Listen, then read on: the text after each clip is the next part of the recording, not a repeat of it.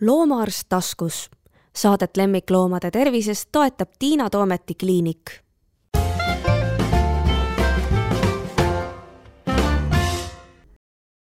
tere, mina olen Tiina Toomet ja te kuulate selle aasta viimast podcasti Loomaarst taskus, mis on natuke teistmoodi mina olen siin nii-öelda suhteliselt tühjas stuudios, aga kõik külalised on kusagil mujal ja, ja need külalised on valitudki natuke selle järgi, et nad on kas kõrgel või kaugel või nad on kuidagi teistmoodi natuke erilisemad. meil on stuudios mitte küll nüüd päris kõige vanem loomaarst, keda ma tean, aga üks vanimatest. meil on kõige noorem ja see on kindlalt teada, et ta on kõige noorem, siis meile annab intervjuu inimene, kes on kaugel põhjas ehk Lapimaal, meile annab intervjuu inimene Aafrikast, Kambiast, meile annab intervjuu inimene, kes on ehm, Ameerikas ja töötab loomaarstina ning loomaarst, kes töötab Austraalias. Ja kui me natuke niimoodi siin ülespoole vaatame, siis seal kõrgematel kohtadel on meil siis ehm, Maaülikooli Veterinaarmeditsiini ja Loomakasvatusinstituudi direktor ja issand, see on nüüd Keskkonnaministeerium, vanasti oli Maaeluministeerium, aga nüüd see pani kokku, no ma loodan, et ma ütlen õigesti, siis selle, mis iganes ta ministeerium on, kelle alla loomaarstid kuuluvad, siis äh, kantsler, nii et, et meil on jah, nagu hästi kirju see pilt, keda ma seekord äh, tahan teile tutvustada. Ja ega midagi, et eh, alustame siis peale ja katsume saada siis ühenduse kõigi nende inimestega, kellega mul on plaan ühendus võtta.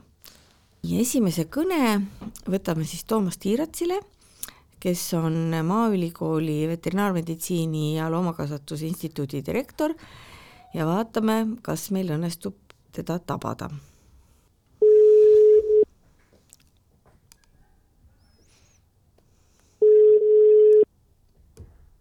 tere, Toomas Tiirets! tere!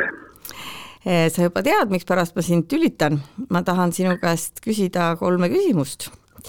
ja esimene nendest on eh, see, et eh, ma ei ole kunagi uurinud, miks sa üldse läksid veterinaariat õppima?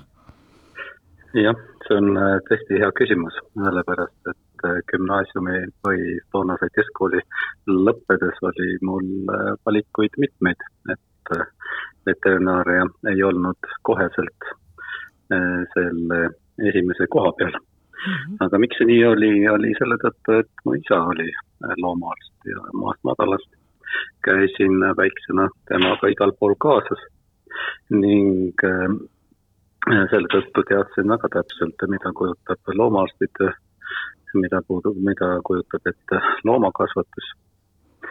ja, ja lõpuks Äh, siis ikkagi otsustasin äh, keskkooli lõppedes äh, valida veterinaaria, meie veterinaarmeditsiini ja veterinaaria elukutse ning pole siiani kahetsenud. Ja just selle tõttu tõenäoliselt ka, et ma teadsin, mis mind ees ootab, seal ei olnud selliseid maksimaalseid üllatusmomente, kus võiks tekkida küsimus, et kas ma valisin õige eriala või mitte. No seda on tore kuulda, aga siis ma tahaks teada, kas sulle eks, eksprompt tuleb meelde mõni noh, lühidalt, äh, pikka juttu meil kahjuks pole aega, aega teha, aga küll ma siis hakkan sind kunagi hiljem piinama, mul need podcast'id käivad edasi ju. mõni lühi, lühike äh, juhtum elust, mis oleks nagu veterinaariaga seotud, mida sa praegusel hetkel tahaksid jagada meiega no,? et ähm, noh, mida, mida jagada, tähendab ühel äh, meenub koheselt see, kui ma alustasin oma äh, töömehe karjääri loomaarstina, äh, siis külastades ühte eakat prouat, kelle, kes veel tahtis ja jaksas oma lehma pidada. Ja abistades teda siis, mitte teda, ah, mul on nüüd sõlme ka nüüd natuke lähevad need sõnad, et äh, lehmal oli raske poegimine, sai kõik kenasti korda. ja kuna äh, lehmake oli proual rohkem nagu lemmiklooma ees, siis ähm, ei söandanud ma väga palju äh, nagu küsida selle töö eest, mis sai tehtud. ja kusagil kümme-viisteist minutit hiljem olin juba kodus, tuleb proua jalgrattaga sõites mulle järgi ja ütleb, et oi pojake, et sa, ma andsin sulle ikka liiga vähe raha et, et see veterinaaria, veterinaari töö kui selline on äh, väärtus omaette, et, et jah, et sa küsisid liiga vähe. et siiamaani on see soe tunne südames, et tegelikult inimesed oskavad ja tahavad väärtustada seda elukutset ning eriti, kui see töö käigus ka õnnestub rasketel patsientidel, patsienti, patsientidele abi tuua ja, ja, ja seda ka hinnatakse, siis see on tegelikult see motivaator, mis kindlasti kõigile loomaarstidele on oluline väga tore. ja viimane küsimus, kuna sul on nüüd olnud ikkagi au ja privileeg olla siis meie instituudi juht sellisel ajaloolisel aastal, kui Eesti veterinaaria sai sada seitsekümmend viis aastat vanaks, et siis mida sa tahaksid sellisele saja seitsmekümne viie aastasele veterinaariale tulevikuks soovida? no sada seitsekümmend viis aastat on näidanud tegelikult väga tugevalt, et äh, loomaarsti teadus, loomaarsti äh, õpe on oluline Eesti riigis läbi selle saja seitsmekümne viie aasta on olnud mõõnasid, on kõrged, aga tulevikulises plaanis on noh, kindlalt oma koha leidnud eh, meie mm, süsteemis ja meie, meie riigis haridus peab jätkuma ja uued loomaarstid peavad peale kasvama.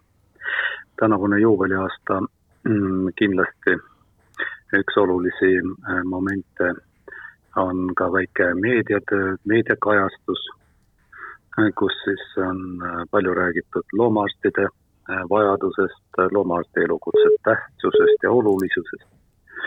ma usun, et see juubel on äh, kõigile andnud natukene aimu, et loomaarsti elukutse ei ole kergemate killast, aga samas ilma loomaarstita ei saa meie lemmikud ja, ja ka meie tulevikku suunatud tegevused mitte kuidagi läbi.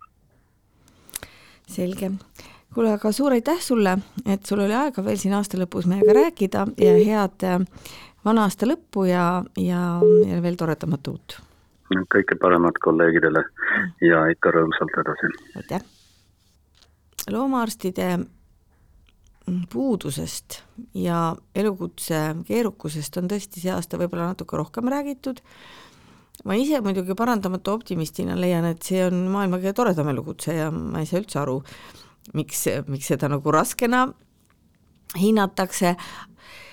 Ja mõnikord võib isegi see jutt kurvaks teha, aga meie järgmine intervjuu on inimesega, kes on seda elukutset pidanud, ma isegi ei suuda praegu kokku arvata, kui palju aastaid, ehk ta on lõpetanud aastal kuuskümmend üks ja nüüd küll juba pensionil, aga siiski väga-väga-väga pikka aega. Ja mulle isiklikult tundub, et äh, sellest äh, oma elukutsest rääkides tal endiselt silm särab, nii et äh, katsume siis nüüd võtta ühendust ähm, doktor Jüri Kassesaluga, kes ka minule omal ajal õpetas sellist huvitavat distsipliini nagu kalade haigused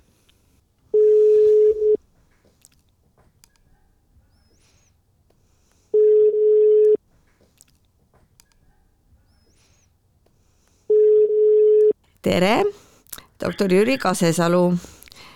tere, tere. väga hea meel teile helistada. Ehm, teie olete meie siis selles aastalõpu intervjuude valikus, esindate meie vanemat generatsiooni. ma nüüd ei tea, kas ma päris õigesti sain need andmed, aga, aga praeguse seisuga tundub, et teie võiksite olla meie kõige vanem loomaarst. ma ei tea, kas see vastab tõele noh, oleneb äh, elus olevatest no, ei ole õnneks veel Asu. mitte kõige vanem. on veel siin Nikolai Kozlov ja Ilmar Müürsepp ja, ja, ja no. kellega me suhtleme ja kes lubavad veel vastu pidada ikkagi. väga ka. tore, Nikolai Kozlov oli rektor siis, kui mina astusin ülikooli, nii et jah, võib-olla peaks, peaks teda ka veel, kui võimalik, veel tülitama oma intervjuudega. aga, aga sulle oleks mul siis selline küsimus, et miks sa üldse omal ajal astusid veterinaaria teaduskonda, mis aastal see üldse oli? no vot sellele ma ei saa nüüd ühe lausega vastata. ei peagi. mina olen pärit talust, noh talupidaja perekonnast, aga minu isa läks kaheksateistkümne aastasena Venemaale õppima pärast ministeeriumi kooli lõpetamist. Ja ta õppis äh, Rjäsani kubermangus, oli riigi, riigi ülalpidamisel Nadeštino karjakasvatajate kool. Mm. -hmm ja kaheaastane, seal oli vormiriietus ja tasuta kõik elamine ja maksti veel abiraha ja tema lõpetas selle kooli ja töötas siis äh, seal mõisates, oli sundaeg nagu töötada karjaravitsejana. no karjaravitseja Skoto Letšebnik on tema diplomi või tunnistuse peal eelkõige ikkagi veiste, veiste haigustega tegelema pidi. Hobustega vähem ilmselt ja sigadega ja siis tema tuli Eestisse vahepeal siin Tartu Veterinaari Instituudi juures äh, professor Karl Appichi piimanduse laboratooriumis, ta tegi läbi kontrollassistentide kursuse tuhande üheksasaja kolmeteistkümnendal aastal. siis käis ta kahes sõjas, tuli tervena tagasi ja töötas töötas veel siin kahekümnendatel aastatel kuni kahekümne kaheksandani rändkarjaravitsena ja kontrollassistendina ja inimkontrollassistentide instruktorina Pärnu, vabandust, Järvamaal ja Viljandimaal no mina küsisin, mis tähendab rändkarjaravitseja. no see olevat midagi niisugust ja mis nagu praegu oleks konsulent, loomakasvatuse konsulent, eks ole, läheb talusse, vaatab olukorda ja noh, see oli Vabadussõja järel, eks ole, väga palju oli neid asunike talusid, need teadmised ja olid nii, nagu nad olid. Nii et see mõttes minul nagu oli mingi verega või, või juba geenidega natuke sees mm. -hmm. aga nüüd viimase tõuke andis, ma läksin viiekümne teisel aastal õppima Vanavõidu loomakasvatustehnikumi. noh, keskkooli mind ei tahetud, mul oli seal NKVT-ga või no praeguse julgeolekuorganitega hilisema nimega tegemist ja seal oli veterinaariainete õpetaja üks väga särav isiksus, Heldur Koolmeister, kahjuks juba manalamees juba hulk aega, kes oli ühtlasi ka Viljandi rajooni peaveterinaararst ja loomaravila juhataja. niisugune mõiste nagu loomaravila on praegu nagu naljakas või ei saagi aru, aga tol ajal ehitati üleliidulise projekti järele ma Eestis jõuti ehitada, ma tean vähemalt Viljandi ja Paide ja Tartu ja Valga ja, ja kindlasti kuskil veel kolm koma neli hektarit ja seal oli kuusteist hoonet. Mhm. ja sinna tuli siis võtta tasuta ravile loomi. ja tema siis, Heldur koolmeister praktikumi sisustas nii, et meie kõndisime see viis-kuus kilomeetrit jala, üks päev tehti vabaks ja nägime seal noh, põrsaste kastreerimist, täku kastreerimist, aga minule sai saatuslikuks nii jutumärkides öelda üks maa vatsalõikus, noh, see äh, võõrkeha otsimine, kus tema kutsus mind endale abiliseks peale nende abiliste, kes tal seal kohapeal olid. ja laskis minule selle naela välja tõmmata ja võib-olla, et siis mina otsustasin, et mina ei hakka zootehnikuna tööle, ma lähen õppima veterinaariat mm. ja nii ta ka läks viiekümne kuuendal aastal mm. -hmm. noh, tudengipõlvest on ilmselt palju räägitud ja igaühel on omad mälestused, aga mälestused on ju alati subjektiivsed. Õppejõududest võiks kõigist head rääkida, aga minul oli erilised suhted professor Tehveriga, Julius Tehveriga no,. Tehverit ma mäletan veel. jah, algul tema, no temal oli, ei olnud veel neid ruume seal viiekümne kuuendal, seitsmendal, kaheksandal aastal ja praktikumid olid pikas koridoris ja istusime seal reas mikroskoopide taga ja tema kõndis meie selja taga, noh, kontrollis, kas me näeme, mida peab nägema. aga samal ajal ta ka kommenteeris, et üliõpilane see ja see, juuksurisse on vaja minna.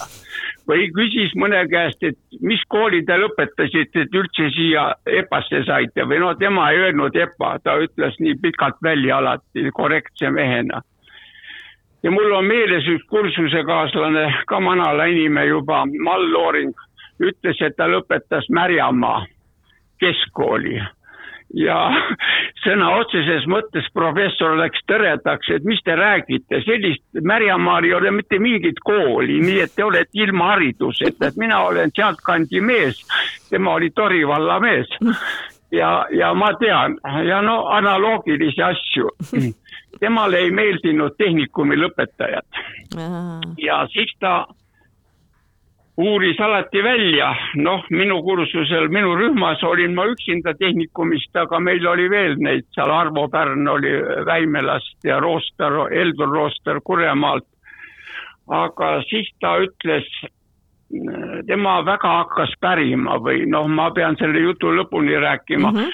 näiteks inimeste nende kohta, meie silmaringi võib-olla ta püüdis kontrollida, näiteks ta küsis, et kas te teate, kes on Theodor Pool noh, tänu isa juttudele mina teadsin, Theodor Pool on selle Pistaoja talu omanik, kus nüüd hiljem oli ju see katsejaam, on praegu vist, ma ei tea, mis tast praegu on saanud. aga ta oli ka põllumajandusminister ja siis ta represseeriti neljakümne no neljakümne esimese, koguni neljakümnenda, küsis, kes on Aleksander Eisenschmidt ja jällegi mina teadsin, et ta oli Tartu Ülikooli agronoomia õppejõud ja no õnnetult siin elas Tartu linna piiril, jäi liivavaringu alla, isa, poeg ja tema ise, nad hukkusid seal. ja ma ka seda ütlesin ja siis ütles professor, et vaadake, üliõpilane Kasesalu, et teiega saaks juba juttu ajada, aga haridus, haridust teil ei ole.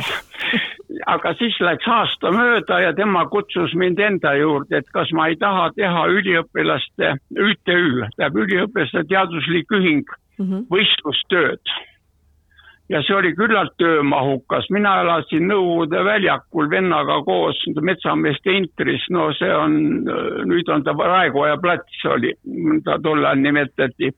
ja mul oli ligidal käia ja ma käisin seal mitu kuud, Tapamajast tõin materjali. ja see töö sai vabariigis teise koha ja pärast seda muidugi Tehveri suhtumine minusse väga muutus, kui ma olin juba aspirantuuris ja kui me kokku saime siis ta alati küsis elu järele ja, ja perekonna järele ja, ja kõike järele, kuidas läheb ja plaanide järele. nii et sellest tudengipõlvest minul on nagu kõige niisugused rohkem alati tuleb meelde äh, see professor Julius Tehveri, äh, Tehveriga kokkupuuted ja no teate, ma ütlesin, et ma olen leiba teeninud üle neljakümne aasta rääkimisega ja mind peate pidurdama, kui ma kipun natuke palju rääkima. ei, see oli väga huvitav ja tegelikult see oligi ju minu järgmine küsimus, et mingi meenutus meenutus vanadest aegadest.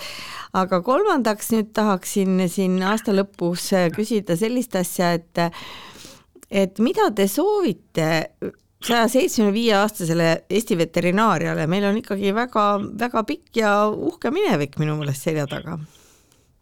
no vaadake, kui imesi on olemas, siis see on ime. et ühel väikesel rahval on sada seitsekümmend viis aastat järjepidevat või peaaegu järjepidevat veterinaariaõpet. ja no mina tõesti soovin et see ime jätkuks veel sada seitsekümmend viis aastat. aga kui nüüd natuke pragmaatilisemalt öelda, siis minul on väike okas hinges. minu arvates on veterinaarõpe kaldu lemmikloomade meditsiini suunas. Ja ma saan aru, et nõudlus määrab pakkumise mm -hmm. või kuidas see kaubanduspõhitõed on. aga teate ka, ajad muutuvad ja ükskord võib see nõudlus ära kaduda aga mis kunagi ära ei kao, see on leib meie laualt või liha meie laualt. nii et ikkagi tuleks rohkem õpetada välja ka suurloomade arste, noh ka hobuste arstid kahjuks on juba nüüd sel ajal pool lemmikloomad on hobused ja nii, et ikkagi sead, veised, lambad, linnud olgu või sinna juurde, et sellele rohkem edaspidi pööratakse tähelepanu ja vastu võetakse rohkem ja ka lõpetakse rohkem, eks ole, et nad praktikasse läheksid, kaduma ei lähe vahepeal sealt. nii et see oleks niisugune minu isiklik soov selle loo jaoks aga väga ilus ja tore soov ja kuna meil on siin plaanis intervjuud väga erinevate veterinaariaga tegelevate inimestega, siis jõuab see teie soov ka, ka nende inimesteni, kes, kes võib-olla natukene sind ühte või teist asja tagant tõukavad, nii et, et suur-suur aitäh selle, selle intervjuu eest, aitäh! no palun! jaa mm -hmm. kõike head!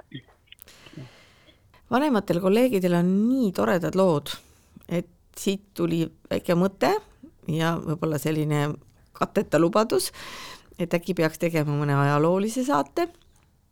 igatahes idee hakkas idanema. aga nüüd hoopis täiesti teise sajandisse ehk siis tänapäeva ja järgmine kõne meie kõige nooremale loomaarstile, kontrollitud selle aasta lõpetaja kõige noorem öö, ähm, oma lennus, doktor Vanessa Viira.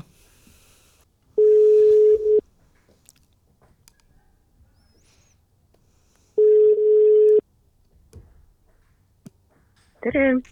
tere, Vanessa!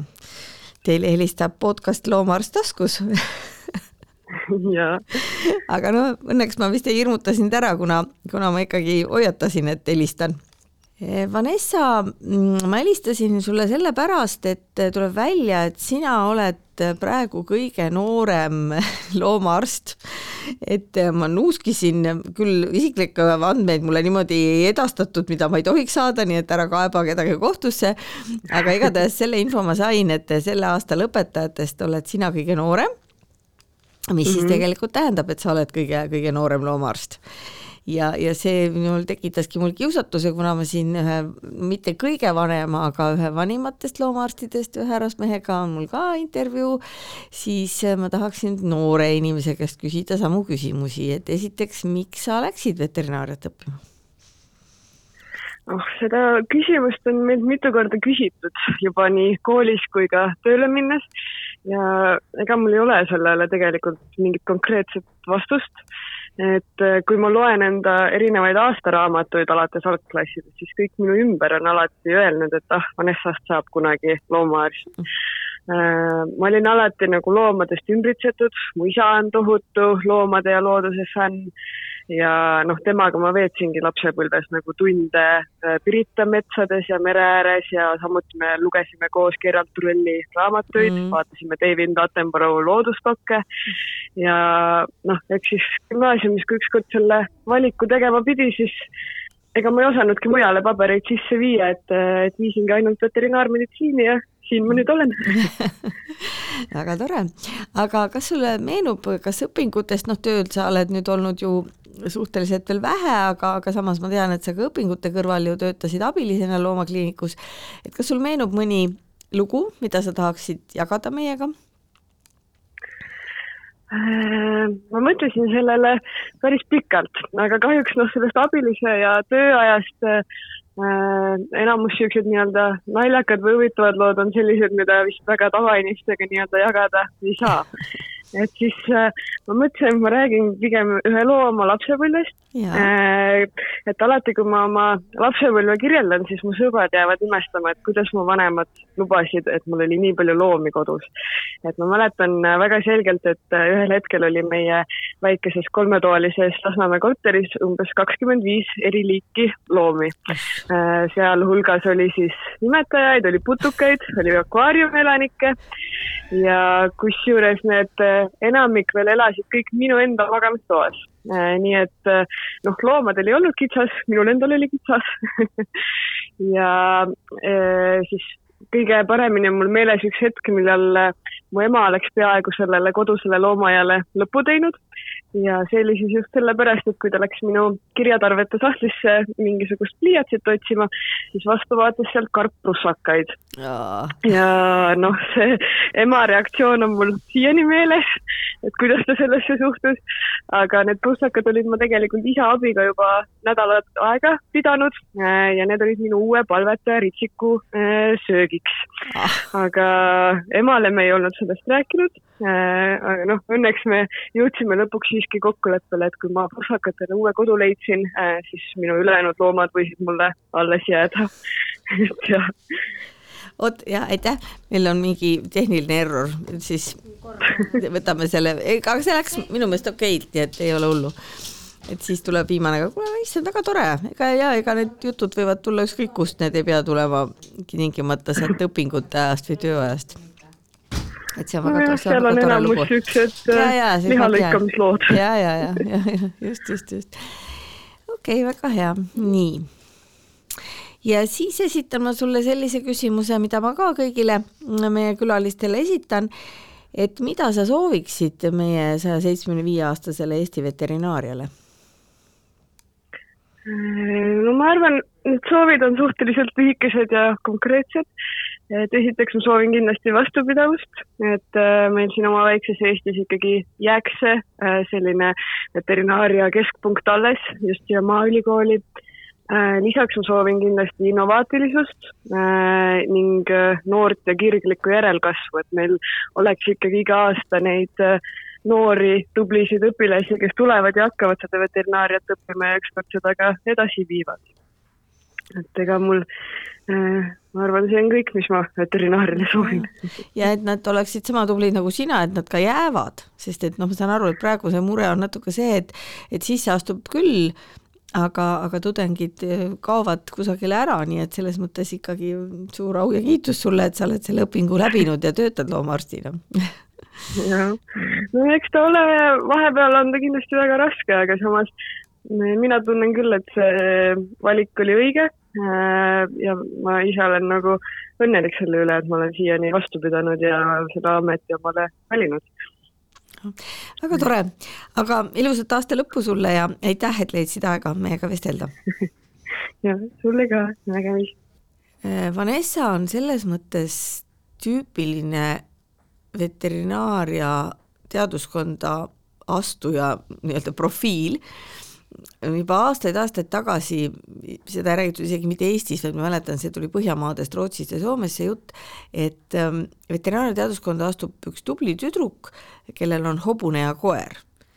no Vanessal muidugi vist hobust minu teada ei olnud, aga igasuguseid muid elukaid oli küll, aga eks siis see tähendab seda, et, et veterinaarias tõesti enamus tudengeid on naised ja neil on väga tugev emotsionaalne side loomadega mis on ühest küljest väga-väga hea, aga teisest küljest teeb nende elu raskeks ja keeruliseks, tean omast käest.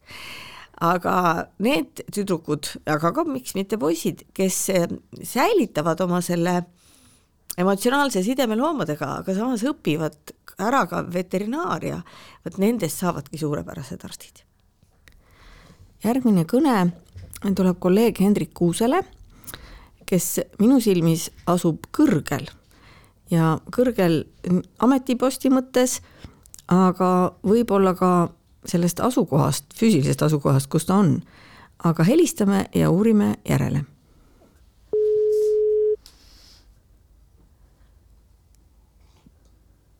Hendrik. tere, Hendrik. sinu kõne salvestatakse Tiina Toomet siinpool. jah, ma saan aru ma helistan sulle sellepärast, et ähm, et mul on plaan teha aastalõpu intervjuusid inimestega, kes on erinevates kohtades. ja mulle tundus, et sina oled hästi kõrgel, ehkki ma ei tea, mis korrusel sa seal super, superministeeriumis oled? Äh, superministeeriumis hakkan ma olema suhteliselt keskel ausalt öeldes, kaheksandal. no jaa, aga tavalooma, tavaloomaarsti jaoks on see ikka väga kõrgel, eks ole ju mm? -hmm. no selles mõttes küll, jah. ja kui me kõrgusest räägime, siis ütle palun nüüd kuulajale ja ka mulle, et mis see sinu ametipost on? No minu ametipost on nüüd viimane kolm pool aastat äh, olen ma siis tänaseks Regionaal- ja Põllumajandusministeeriumi asekantsler. Äh, vastutusvaldkonnaga siis äh, toiduohutus on selline üldine nimi küll, aga tegelikult hõlmab ta kogu toiduahelat äh,, alates siis esmatootmisest, põllult, laudast kuni välja, viimati just vaatasin siin üle, et osakond on tegelenud emapiima asendajatega imikutele. ehk siis piltlikult öeldes, et kui notsu sünnib, siis sellest alates kuni singiks saamiseni ja sealt edasi ja, ka natuke veel. ja, ja, ja sealt edasi ka natuke veel, et kuidas selle singi söömine meile inimesele niimoodi mõjub, mõjub. ja no selge, aga mul on sulle kolm lühikest küsimust. ja esimene oleks siis see, et miks sina, Hendrik Kuusk, läksid kunagi veterinaariat õppima? väga hea küsimus oleb ajalooliselt, et klassikaline vastus oleks ju see, et ma tahtsin saada loomaarstiks no jah, ei ole sisu sellel, sel vastusel. tegelikult ma olen koos loomadega üles kasvanud, maal elanud, kuna ma olin oma vanemate esimene laps, siis kes suhteliselt noorelt äh, said, said, said mind esimese lapseni, pärast tekkis neid veel, aga siis ma olin oma vanavanemate ootaja ja vanaema oli mul karjabrigadiir. Sikkeliselt pahatihti leidis ta mind, kui ma olin kadunud, siis selles karjalaudas kusagil lehma söödakünas magamas, tavaliselt selle kõige õelama lehma juures, kes inimesi vihkas, aga loomi söönud ja laps magas künas. Et äh, selline side loomadega, või see kooselu loomadega oli nagu, oli nagu, oli nagu veres sees kuidagi ja emagi oli kolhoosis sootehnik, aga ega see otsus nagu kohe ei tulnud, et äh, ma nüüd tahan kindlasti loomaarstiks saada, et sa nagu ei taha ju automaatselt seda, mis sul iga päev olemas on mm. -hmm. et vahepeal ma tahtsin ikkagi merekooli minna siin peale põhikooli, meremeheks saada. No ei saanud, ei tulnud sellest midagi välja, esiteks A oli õpe vene keeles tol ajal riiklikus vene koolis ja sinna siis eh, noh, ei, ei osutunud väga sobivaks.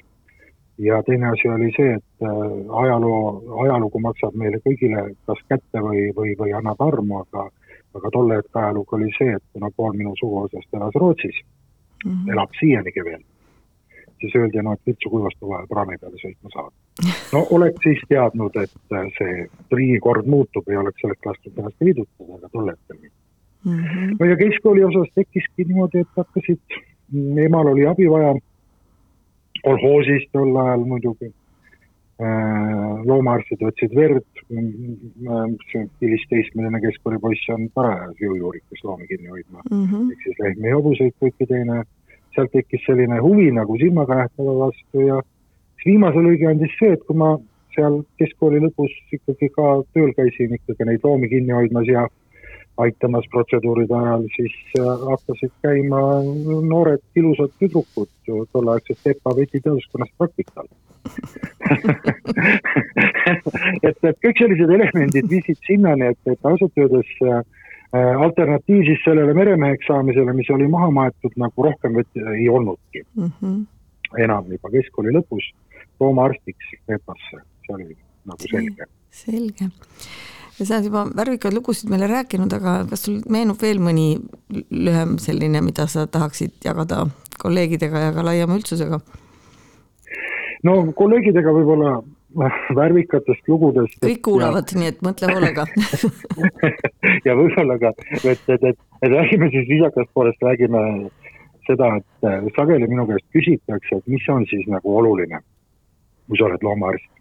ja see käib kõikides, mitte ainult minu käest siin diskussioonidest läbi, et, et kas sa pead loome armastama ja loomi peab armastama, loomi peab austama aga, aga minu nagu moto on olnud see või mis on paremini, et kõige rohkem pead sa austama neid loomaomanikke.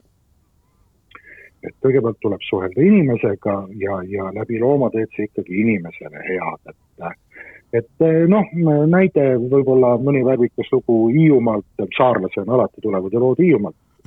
et siis ma, ma olin praktikal Hiiumaal, ma ei, peale neljandat kursust kusagil tavalisel suvepraktikal ja, ja sattus, et seemendustehnik läks puhkusele ja arvas, et noh, et Pepa poiss saab sellega hakkama küll ja, ja noh, siis külmutatud spermapütt ja kõik sinna kaasa ja ja oi, neid spermagraanuleid läks kaduma, et kaasa rahasse ümber arvestades, aga hakkama sain, aga pärast siis tehti selgeks, et kuidas siis vahet teha, et kelle vasikad on, et kuna mm, see inimene, kes puhkusele läks, oli daam, siis ja, ja minul olid tol ajal juba vuntsid, siis öeldi, et ah, et me pärast saadame sulle teada, et kui on rätikuga sünnivad, on äh, põhikoha inimese niimoodi ettevalmistatud vasikud ja vuntsidega, siis on sinu oma.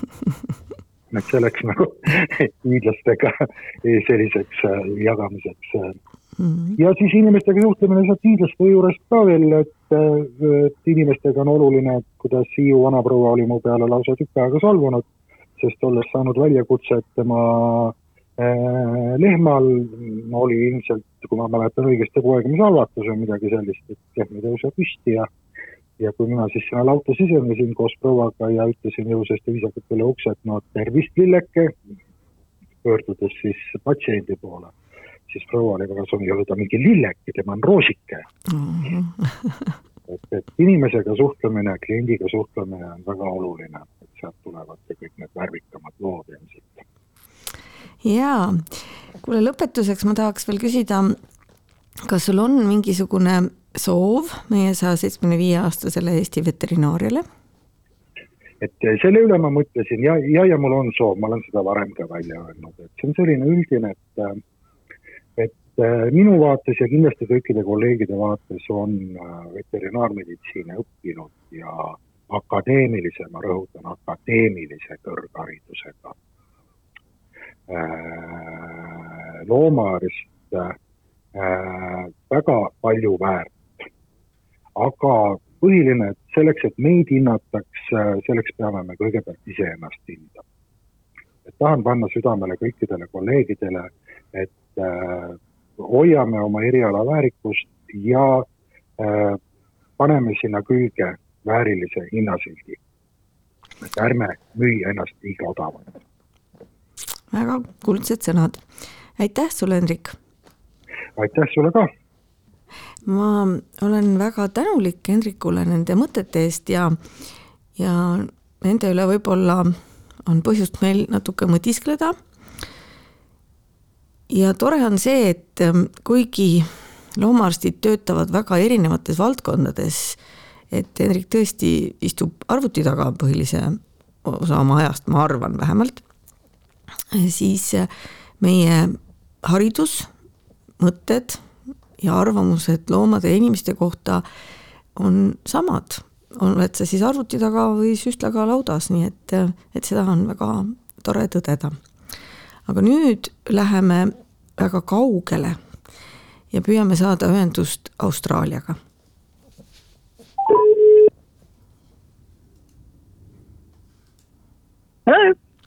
Halloo, halloo, Sydney, siin Tallinn tere, tere, kuidas läheb? kuule, täitsa hästi läheb, ma olen õnneks kõik oma intervjueeritavad siiani kätte saanud, sina oled üks kaugematest. ja sa oled ilmselt Sydneys, ma hakkasin mõtlema, et äkki ma ütlen valesti, aga, aga, aga ju sa oled kodus praegu, jah? olen küll mm, -hmm. olen küll mm. -hmm. ja teil on seal hiline õhtutund, nii et, ähm, et ma mm, pean rääkima sinuga ruttu, et saad magama minna, eks ole ju just, just ei lähe, aga homme ma pean ähm, raadiojaama minema andma veel üks äh, intervjuu, nii et ähm, jah ja., mitte liiga hilja. nii, sina oled selles mõttes meie selles intervjuude jadas eriline, et sa ei ole tegelikult lõpetanud seda meie saja seitsmekümne viie aastast äh, veterinaaria teaduskonda.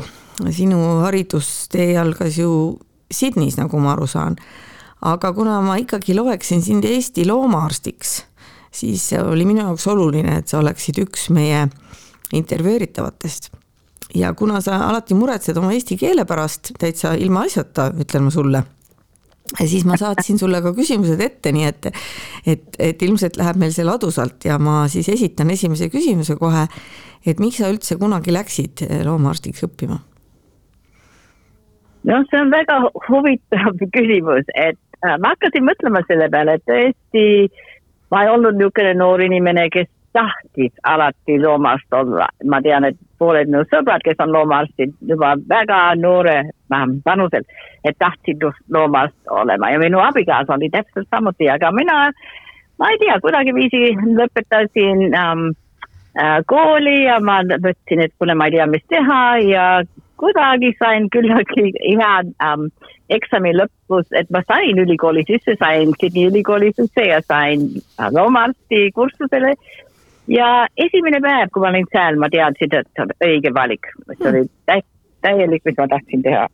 aga ma ei teadnud enne, kui ma hakkasin ülikooli, väga mitte nagu teised inimesed, ütleme niimoodi. et ei olnud lapsepõlve unistus? Mitte üldsegi, ei mm -hmm. tulnud mitte üldsegi selle peale, et äh, mina tahtsin alati loomi, minu äh, tädil oli alati kass või koer, ema, isa ei tahtnud eriti loomi, aga mul alati on, et minu, oli, et minu ähm, minu tädi alati andis meile kast või midagi. Ja siis, aga ei, ma ei tea, mulle meeldivad loomad, aga mitte ei tulnud üldsegi selle peale, et, et loomaarst õppida kas sul on äh, mõni tore mälestus, noh, kas õpinguaegadest või hilisemast tööst, no ma kujutan ette, et neid on palju, sest kui mõelda, et, et loomade noh, ma võiks isegi nimetada mitte psühholoogina, vaid psühhiaatrina, sest sa oled ju arsti diplomiga, eks ju.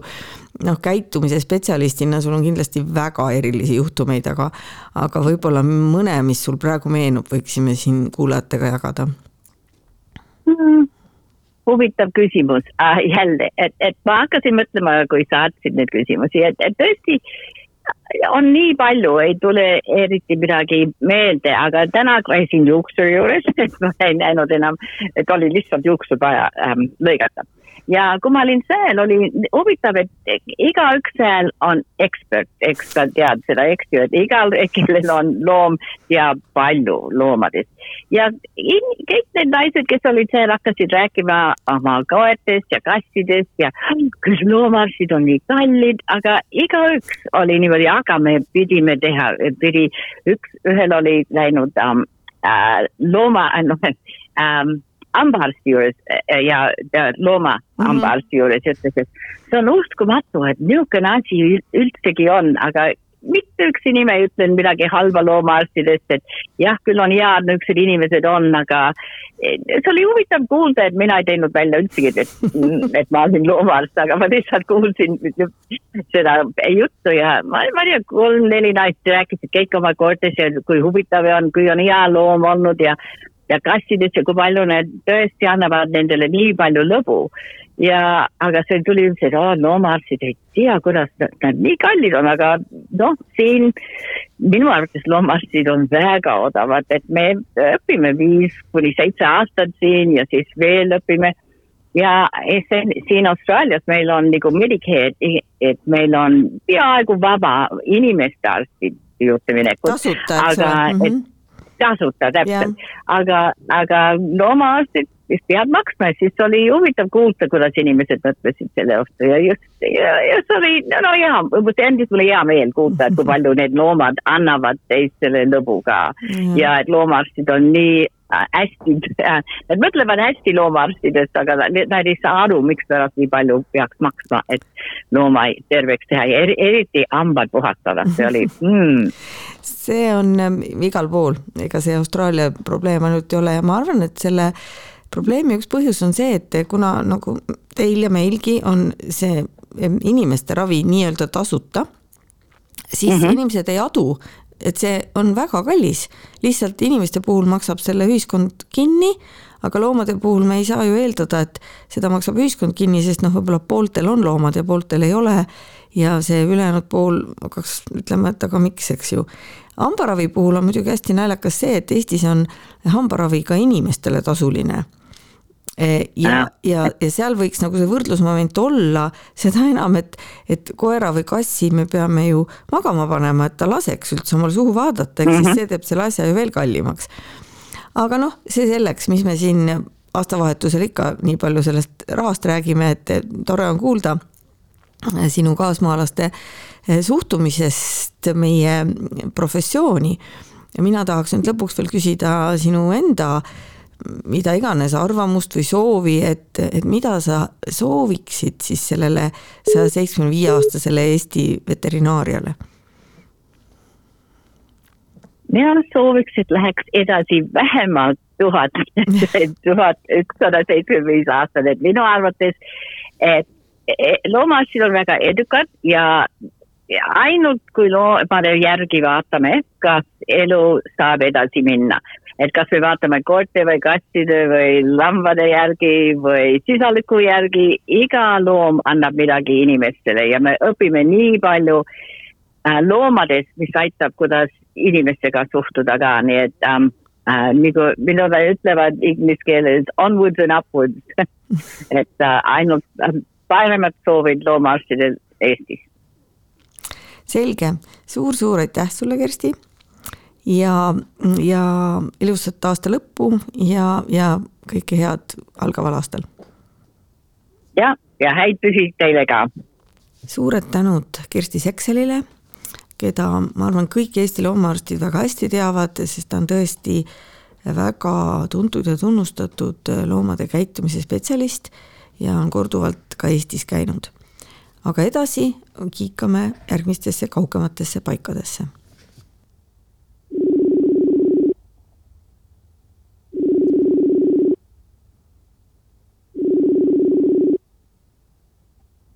halloo. tere, Piia. no tervist. Tiina siinpool. no just, kuulsin, tundsin ära kuule, sina nüüd seal kaugel Kambias, ma ei tea, mitu just. tuhat kilomeetrit meie vahet siis on, oled sa kunagi vaadanud, et no, ma ei ole isegi niimoodi, kas see mi-, issand, see on ikka väga palju, ma ei ole isegi vaadanud niimoodi, kas sa oled no, jään vastuse võlgu. palju, palju ja kaugel ühesõnaga väga palju, tuhandeid. soe, mitu kraadi? on. noh praegu on mingi kakskümmend kaheksa. aa, see on ju täitsa normaalne, ma mõtlesin, et sa pead kuskil hinge, no, hingeldad kuskil palmi all. ei, ei, ei, siin on talv. okei okay., jõulukaunistused on üleval? on no,, täiesti. tore. Ehm, ma olen aru saanud, et sa küll ei tee seal Kambjas ilmselt vist loomaarsti tööd või? kuigi otse, otseselt ei tee mm, -hmm. aga eks ma siin abis olen siin ja seal ikka käinud ja ka siin safari need äh,, äh, kuidas öelda, omanik suutis mu ära meelitada korraks paari asja tegema, sest muidu käib meil Lõuna-Aafrikast arst. no see on ikka natuke kauge. muidu jah, mhm. sellist, no see on ikka väga kauge võrreldes, aga kuna see safari omanik on ise Lõuna-Aafrikast, aga mm -hmm, siis oli mhm, vaja mm -hmm. siin paar korda lõvi süstida, see oli päris nagu adrenaliinirohke no,, mitte see... narkoli- vot siis seda räägigi meile ka, kui ma olen esimese küsimuse ära küsinud, sest mul on olnud see järjekord nüüd selline, et et ma küsin kõigepealt, et miks sina kunagi läksid veterinaariat õppima mm? -hmm. Ehm, tegelikult see soov oli mul kuidagi loomadega tegeleda väga lapsepõlvest saadik, kui ma olin juba maal vanaema juures ja kuidagi see kasvas, nii et mul oli kindel teadmine juba kooli minnes, äh, algkooli minnes, et minust saab loomaarst. ja selleks järgmiseks põhjuseks oli kohe see ratsasport, millega siis nagu hobuste sees sai kogu aeg oldud ja koer on mul kogu aeg olnud.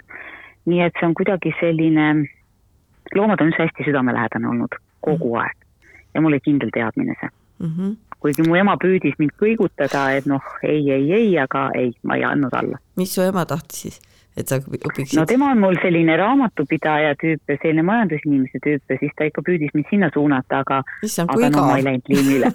no minu jaoks väga igav, ütleme niimoodi no ja minu ema lootis ka, et minust saab kolmandat põlve kosmeetika, aga ta õnneks leppis sellega no,, sellega, et must veterinaar sai ja noh, eks oli pärast kasu ka, sest tal enda loomad ikka vajasid alla lõpmata seda järelvaatamist no, mm. -hmm no just, just, no mul sama selge.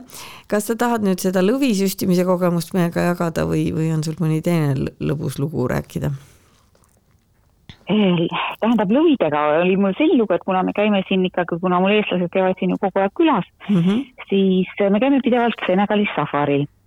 ja siis tuli seal nagu nendega juttu kohalikega, et oled loomaarst ja siis ma ütlesin, et okei okay,, tekkis huvi, et aga mis ravimeid te siin kasutate mm? -hmm. siis nad viisid mu oma ravimikapi juurde, siis ma vaatasin seal natuke ringi ja päris nagu põnev oli vaadata, mis ravimeid nüüd seal olid, kõik. ja siis järsku me läksime ühel hetkel ka sinna safaril ja siis tuleb üks äh, omanikest jooksuga, et kuule, sa oled loomaarst, meil abi vaja, et me ei hakka, meil on nagu kiiresti vaja lõvile süsti teha ja ma ütlesin, no okei okay,, kui süsti, siis süsti, et noh, ei ole ju nii kosmiline asi, nagu öeldakse. Läksime siis sinna, noh, ega see lõvi ei ole ju pisikene ja ma ütlesin, aga kes ta teist kinni hoiab? ei, ega meie ei hoia. mis nii, mõttes? et kui, kui see ei ole ju võimalik niimoodi, et kui ma ikka päris nagu söödaks minna ei taha otseselt, on ju, siis nad otsustasid niimoodi, et nemad on äh, lõvi ja minu vahel ja mina teen selja tagant süsti. ma ütlesin, et okei okay,, olete suutelised kinni hoidma siis kui vaja on, ja, ja, ja kahekesi olid mul sees, mina nende kahe vahel siis tegin süsti. see oli päris adrenaliinirohke, sellepärast see hetk, kui see s- torkehetk oli, see pea käis nende poole, mina seal selja taga ja see möiratus oli selline, mis käis ikkagi niimoodi kogu kehast läbi mm. päris nagu hirmuäratav, aga noh, siis nad hakkasid kähku-kähku nii edasi sügama ja siis ta rahunes maha. aga noh, see jääb ikka tükiks ajaks meelde ausalt öelda. kas lõvile tehakse lihasesüsti või nahaalust süsti? ei, mina tegin naha alla, ma Ahah. mõtlesin selle peale, et no lihas on ju veel valusam. jah, ja just. Aga noh, ma selle mõttega mõtlesin, turja naha alla tegin, nii et ja see on nagu kassile siis põhimõtteliselt jah? no täpselt, no eks ta üks suur kass ongi ju no tegelikult. aga isegi kass, mõni kass on päris hirmutav no täpselt, et need, see mööratus oli päris hirmutav, ütleme ausalt. no aga igatahes noh, põnev kogemus jälle. väga põnev lugu mm. -hmm. aga muidu sa siis eh, pead seda külaliste maja seal, ma saan aru, jah? Noh, ta ei ole otseselt külaliste maja, aga mul on nagu, kuidas see, kuidas see ahelreaktsioon on tulnud. sõbrad tulevad kõigepealt ja siis tulevad sõprade sõbrad ja niimoodi tuttavad mm. -hmm. on käinud, et ma ei ole seda kuskil reklaaminud, aga mm. -hmm. lihtsalt rahvas on käinud ja kõik ja paljud tulevad teist korda, mis seal Mhm. salata. aga sa oled siis talveperioodi seal ja suve Eestis või kuidas sul ja ma olen ja absoluutselt talvel olla, tahan olla siin ikka ja üks paar-kolm kuud, kuidas noh, sõltuvalt Mhm. aastast, kuidas võimalused on. Ja eks me siin vahepeal oleme Kristiga vahetanud niimoodi, et tema siin, mina seal ja niimoodi meil Kristi see on käib sinu loom-, loomaarstist tütar, eks ole ju? just mm, -hmm. just, just. mm. -hmm. ja, ja. ja no poeg ja ke- nemad jääksidki siia, kui taha, saaks mm, mm ütleme. -hmm. on sul mingeid loomi seal ka? ja mulle kingiti kaks aastat tagasi Aafrika kutsikas, Aafrika tõugu kutsikas, Pepi nimeline, kes on mul siin kogu aeg mm -hmm. ja üliarmas Tegelinski. Ma naeran, et valvuril on kõrvad kogu aeg olemas, lisakõrvad. Mm -hmm. ja noh, mis siin on näiteks loomaarsti seisukohalt, mis siin minul temaga kokkupuudet on, on ju need mangoformsid. sügelislehest on üks asi, mis siin koertel hästi palju on, aga see mango, mis on siis sääskede ja mullaga seotud. see on siis siit mis ta on siis, ta on nagu mingi puu- puugi moodi parasiit naha all, puugi moodi selline parasiit on naha all, Mm -hmm. see on niimoodi pigistad, tuleb pursti välja mm. ja siis ainuke asi, mis siin tegelikult ma siin olen proovinud erinevaid asju. meditsiiniravimeid me ei tohi nimetada, see on reklaam sa võid ütelda toimeaine ah,. ühesõnaga, issand, mis on Pravecto toimeaine? okei, unustame ära, no olgu jah, just. ühesõnaga, et olen Eestist toodud antiparasiitseid ravimeid kõik. selge, aga mis see Aafrika kutsikas tähendab, see on siis kuidagi, mis no ta on selline kõrgemate jalgadega, lühikarvaline. suurte kõrvadega? noh, mingi, ei ole sellised natuke poolkikis kõrvad, okei. selline kolmkümmend, nelikümmend senti maast Mhm, turjakõrgus. okei. et selline, aga hästi armas tegelane ja Mhm. me, me siin kõik naerame, et valdab kolme keelt. ja nii kui kõige toredam on see, et kui eestlased tulevad väravast sisse, suurim sõber, nii kui tuleb võõras tumedanahaline, sööb või ära. huvitav, kas tal on mingi, mingi halb lapsepõlve kogemus olnud äkki või? ma ei, tõenäoliselt, tõenäoliselt. sest muidu ei saaks ju olla, see on, ei ole nagu reaalne. jah, see on uskumatu, aga nii on. väga tore, kuule, aga mida sa tahaksid soovida siis meie saja seitsmekümne viie aastasele mm, veterinaariale, noh, sa oled ikkagi endiselt seotud ju oma tütre ja Viljandis oleva kliiniku kaudu, eks ole ju. absoluutselt mm. -hmm. Tegelikult ma sooviksin väga seda, mis ma ise oma nagu praksise kõrvalt olen nagu aru saanud tegelikult, et meie Maaülikool eh, panustaks rohkem arstide rohkusele, et oleks rohkem arste, jah just, et mm. -hmm. tuleks eh, rohkem arste, kes jääks ka tööle praktikasse. mm -hmm. et eh, nagu meil on ju praegu loomaarstide puudus, on see siis väikeloom või suurloom, vahet ei ole, et et neid rohkem oleks mm. -hmm. ja et nad ka Eestisse rohkem jääksid mõned lähevad Aafrikasse, mida sa siin räägid? no mõned lähevad ka Aafrikasse, aga ma ikka oma algse, algse loomaarsti elu olen ikkagi Eestis veetnud kogu aeg, ega ma praegugi ju, ega ma päris maha matnud seda ei ole veel. selge, kuule, aga suur-suur aitäh sulle ja, ja il, ilusat aastavahetust siis sinna. ja samad sõnad ja, sulle ka. ja aitäh, nägemist. aitäh ja nägemist. see oli siis äh, kõne kaugele Aafrikamaale kolleeg Piia Vilule, äh, kes küll tõesti seal igapäevaselt loomaarstina ei tegele, aga ikkagi me võime öelda, et Eesti loomaarst elab Aafrikas, on doktor Aibolitile või Tuulitile või kes neid iganes sealt meie lapsepõlvest meeles on, väikseks abimeheks, nagu me kuulsime lõvide süstimisel. Ja nüüd vaatame, kus kaugetest maailmapunktidest me veel mõne loomaarsti leiame.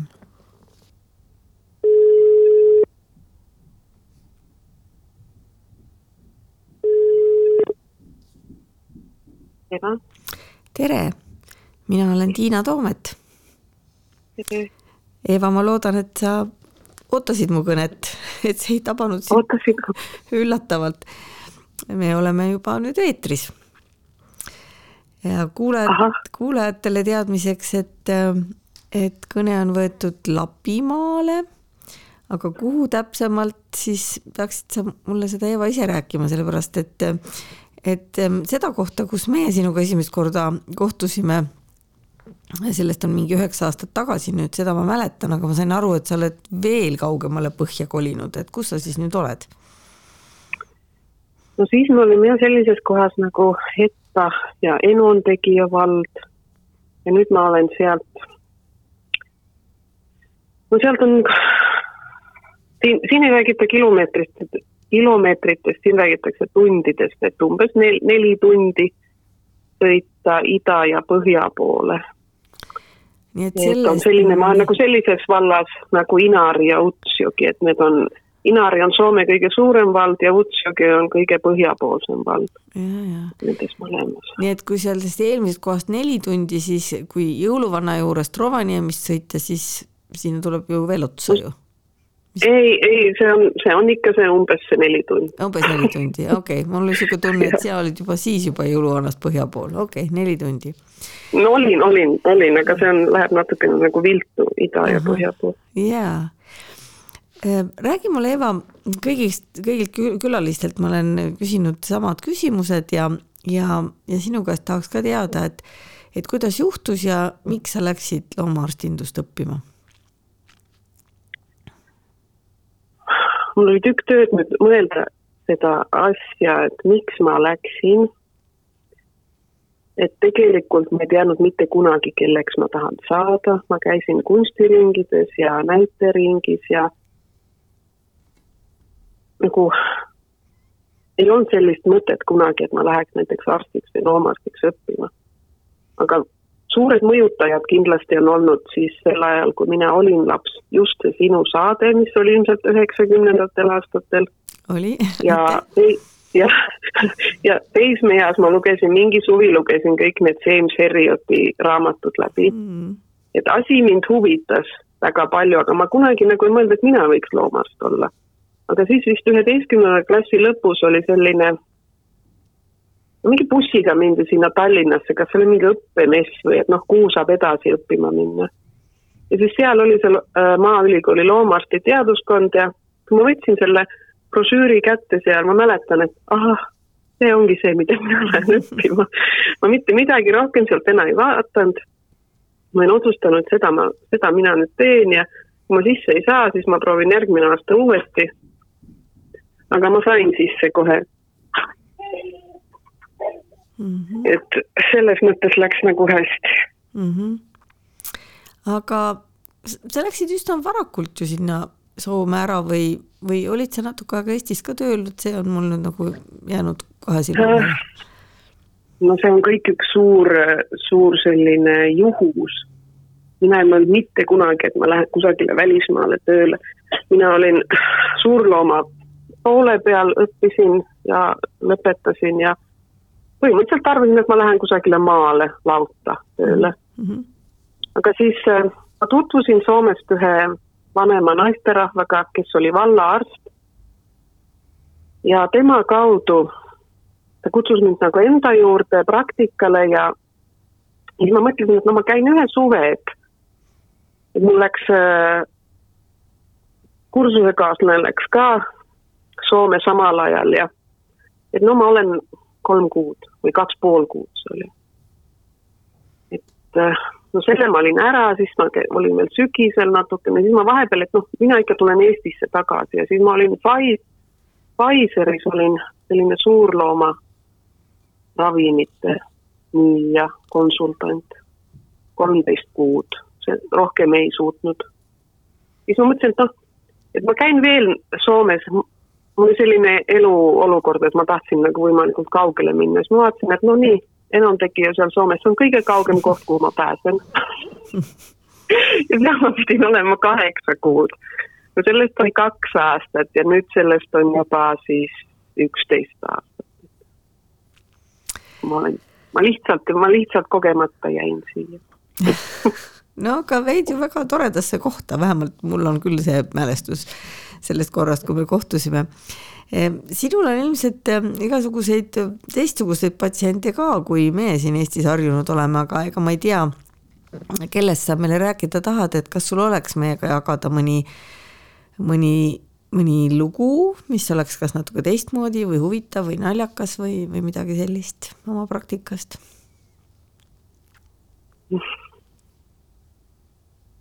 Et iga loomaarst, kes praktikas on, et iga päev üllatab millegagi, et tegelikult ükski päev ju ei ole tavaline päev, et sa mõtled, et oled kõike näinud, aga ikkagi tuleb mingi absurdne olukord, et raske on nüüd, raske on midagi konkreetset välja tuua, et et meie põhipatsiendid siin on, on jahikoerad ja kelgukoerad ja siis on muidugi tavalisigi lemmik, lemmikloomi, et kassid, koerad, rohkem koerad.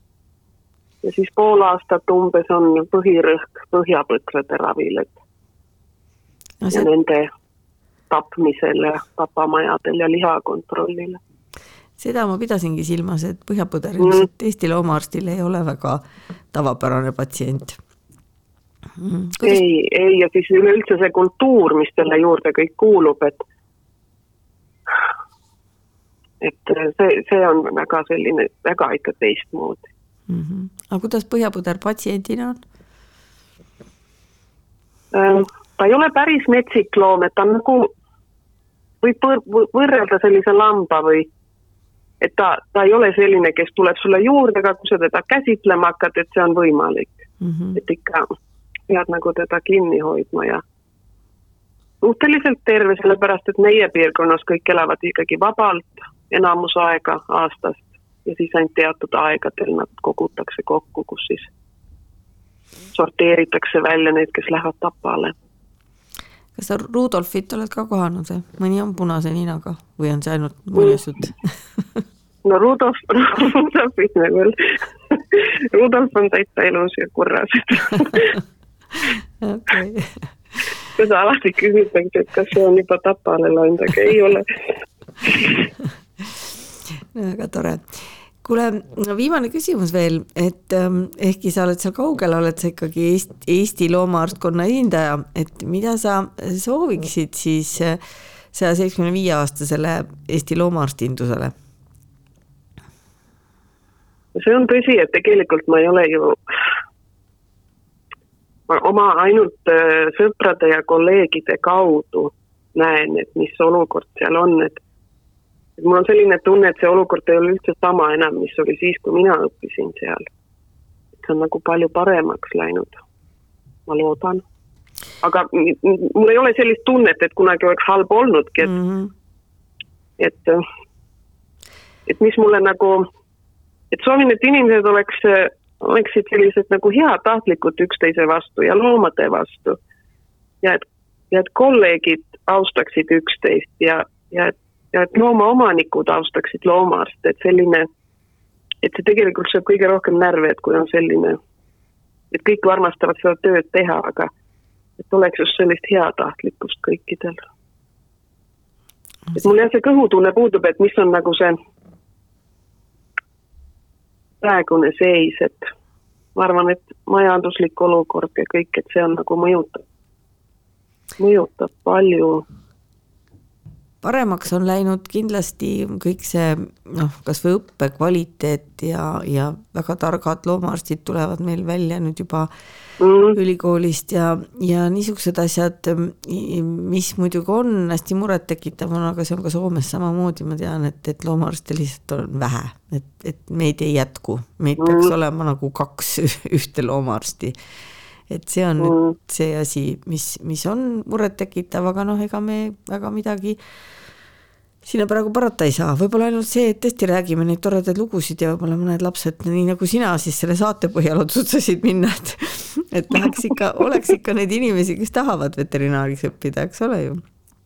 et see on see, mida on, teha saab mm.. mina olen küll väga rahul, et vahepeal mõtled küll, et noh, oleks võinud hakata inimesarstiks, aga siis, kui on nii, nii tore ikkagi töö juures olla ja ma arvan, et me saame palju rohkem nalja töö juures teha, et et olen, olen põhimõtteliselt ikkagi rahul, et aga no piirid peab enda, endale peab oskama need piirid luua, et loomaarstid on perfektsionistid.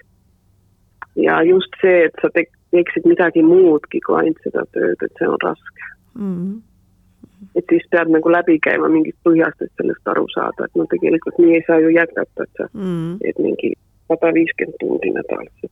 jaa, igatahes mul on väga-väga hea meel ja ma ei ole endiselt jätnud äh, seda unistust, et ma saaks tulla sinna kunagi sinu juurde, kui on teil see poroeristus palun tule see on mulle juba pikem aeg. ma, ma nii ootan, et mina nii ootan, et keegi tuleks, alguses, kui ma tulin, esimesed kaks aastat mul käis külalisi. Mm. ja peale seda nagu kõik olid, noh, nii tavaline, ei viitsi enam. mm,. ma, ja ma kogu aeg ootaks, et keegi tuleks, et ma saaks näidata, kui äge meil siin on. ma väga tahan tulla, ma loodan, et ma olen nüüd vaba inimene ka, et mul õnnestub, nii et oktoober on kõige parem aeg. väga hea, ja.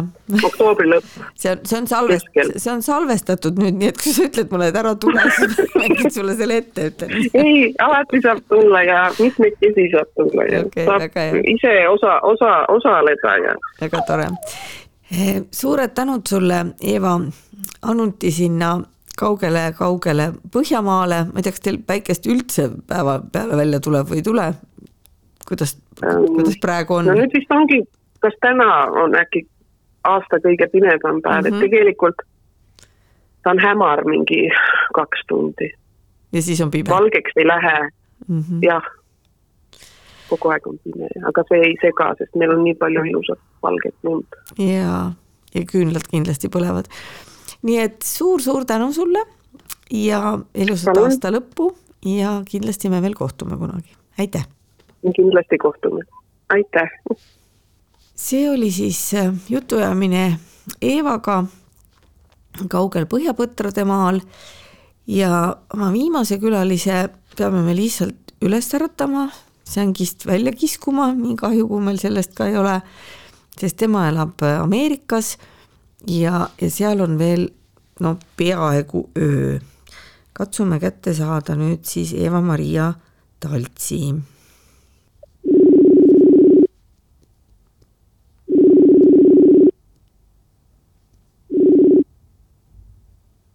tere!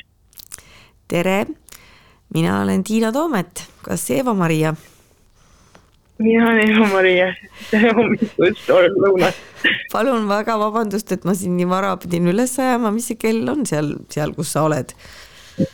Äh, kell on kuus hommikul, et ah. Äh, ma tegelikult juba tõusen, mul on seitsmest vaja tööle minna. aa, siis ei olegi kõige hullem. Mm -hmm ega ma ausalt öeldes isegi ei jõudnud süveneda sellesse, et kus kohas sa seal Ameerika maal oled? Äh, hetkel teen ma residentuuri, alustasin residentuuri Illinois ülikoolist mm. -hmm. ja kaua sa oled olnud juba seal siis? Äh, siin olen ma olnud äh, nüüd pool aastat, et ju-, ju-, juulis alustasin ma siin, aga ma olen Ameerikas olnud nüüd juba poolteist aastat mm.. et ma tegin eri, erialast internatuuri Davisi ülikoolis mm,. no väga-väga kuulsad ülikoolid. mis su see põhihuvi siis on, millele sa pühendud seal? E-, erakorraline ja intensiivravi. noh, väga põnev. ma ikka loodetavasti tuled tagasi, me, meil on vaja sinusuguseid aga noh, praegu tee oma, tee oma õpingud ikka lõpeta rahulikult ära, eks ole ju mm. -hmm. ja see on ikka kaks ja pool aastat veel kindlasti. Mm -hmm kuule, aga küsime, küsin oma küsimused ära, sest siis sul on vaja hakata tööle sättima, et, et tahtsin teada siis, et jah, mis, mis oli sind äh, nii-öelda ajendanud minna veterinaariat õppima, et on see su lapsepõlveunistus või see on mingi äkkotsus või, või kuidas see tuli? See on rohkem niisugune äkkotsus, kuna äh, kui äh, äh, peale ülikooli lõpet- äh,, mitte ülikooli lõpetamist, pärast keskkooli lõpetamist äh, ma ei teadnud, mida ma tahan teha. ma teadsin, et ma tahan midagi meditsiini vallas teha, aga ma ei teadnud, mida veel.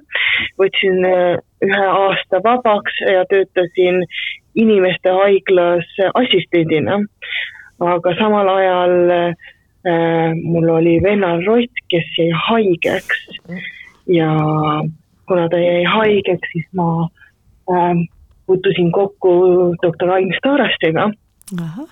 ja sealt kogu see lugu algas mm. ja viimasel minutil ma otsustasin, et jah, et ma lähen veterinaariasse ja esimesel septembril mul ei olnud isegi elamiskohta Tartu Ülikool, Tartus. ma lihtsalt läksin kohale ja, ja kõik sujus ja tuli välja väga tore, aga kas sa jõudsid eh, siis Eestis ka natuke töötada? Et sa ju ei läinud kohe välismaale, eks ju mm? -hmm. ja pärast ülikooli ma äh, või noh, ülikooli ajal juba ma töötasin assistendina loomade kiiravikliinikus mm. -hmm. ja pärast seda äh, olen ma niisugune lünklikult paar aastat seal töötanud mm. Et tõenäoliselt äh, see kindlasti andis mulle tõuke, miks ma erakorralise meditsiini läksin õppima edasi. no ma kohe mõtlesin ka selle peale et sealt sa said ilmselt selle, selle ajendi ja innu seda õppida. kas sul tuleb äh, ülikooli ajast või, või seal kiirabis töötamise ajast meelde mõni lõbus lugu või mõni teistmoodi lugu või mingi lugu, mis sulle endale rohkem hinge läinud, mida sa tahaksid meiega jagada? Ähm,. seal on nii ajast. ähm,. kõik on nii erinevad, sest ma olen töötanud ka Inglismaal paar aastat, et mm -hmm. see on, kõik riigid on erinevad, seal on igasugu, kõikides riikides on lugusid, aga kui ma arstina alustasin kiirabikliinikus äh,, vist mu kolmas valve oli öövalve ja see oli üsna üsna palju patsiente, seal olid maakeerud ja äh, äh, äh, äh, sisehaiguste patsiente ja põrnakasvajaid ja kõik olid kriitilised patsiendid ja ma olin väga tänulik, et arstid, kes olid õhtupoole tööl äh,, jäid mulle appi ööseks ja nad vist läksid koju alles kella viie ajal hommikul. et ähm, see näitab, kui palju inimesed on abivalmid ja äh, aitavad äh, just äh, neid, kes alustavad mm.. nojah, sa oleks pidanud muidu seal üksinda ilmselt, see oli vist see aeg veel, kui valvati üksi, nüüd on ju kiirabis ikkagi, ma arvan, mitu arsti korraga valves. Aga kui sul on nii palju raskeid patsiente, sa ei saa seal üksi midagi teha, on ju just ja kuna ma olin alles äh, roheline ja mm. klientidega äh, rasketel teemadel arutamine on ka keeruline, siis doktor Jürgen Mitt oli väga abivalmis ja aitas mind väga palju selles mm. -hmm. kas äh, sa ütled, sa oled töötanud ju nüüd nii mitmes kohas, kas seal on mingisugune oluline erinevus nende vahel ka või, või on loomaarst ikka loomaarst? ükskõik kus maal ta töötab? siin on ja siin on palju erinevusi nagu ähm, Inglismaal on väga spetsiifiline, kui sa oled ühe äh, kliinikus ja teed nagu öövalveid või äh, siis seal on määratud alad, mis kliente sa võid võtta.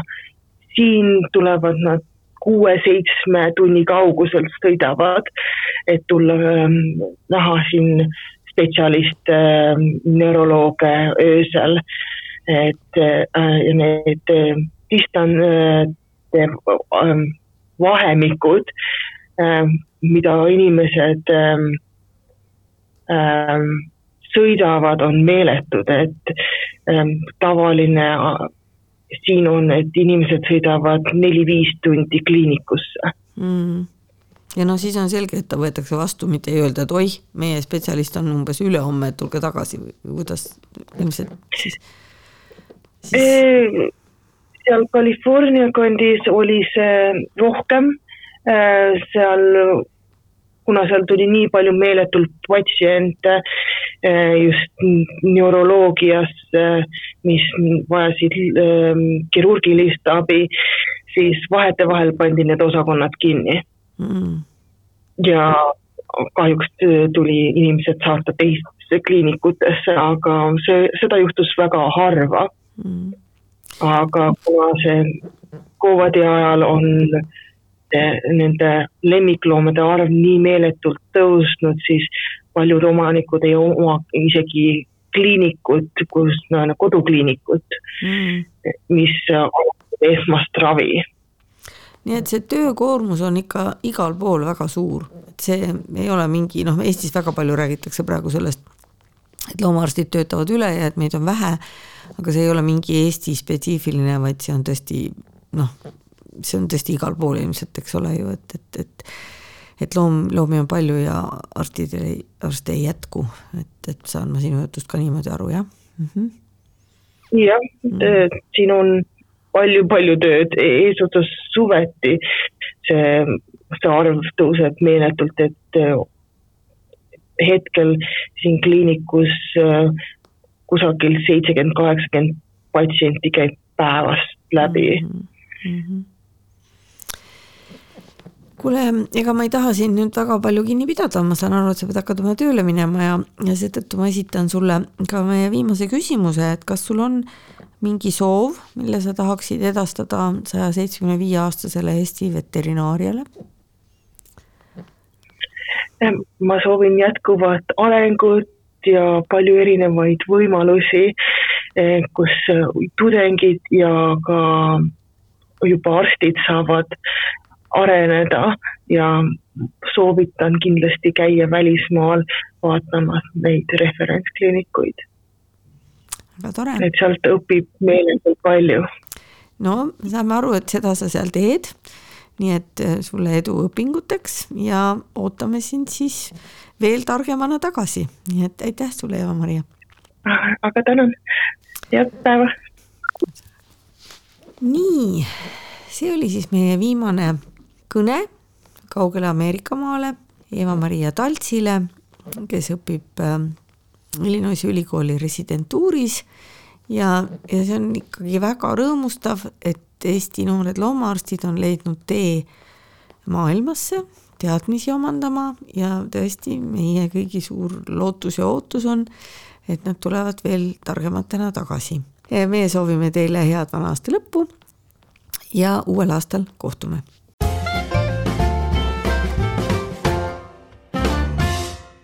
loomaarst taskus. Saadet lemmikloomade tervisest toetab Tiina Toometi kliinik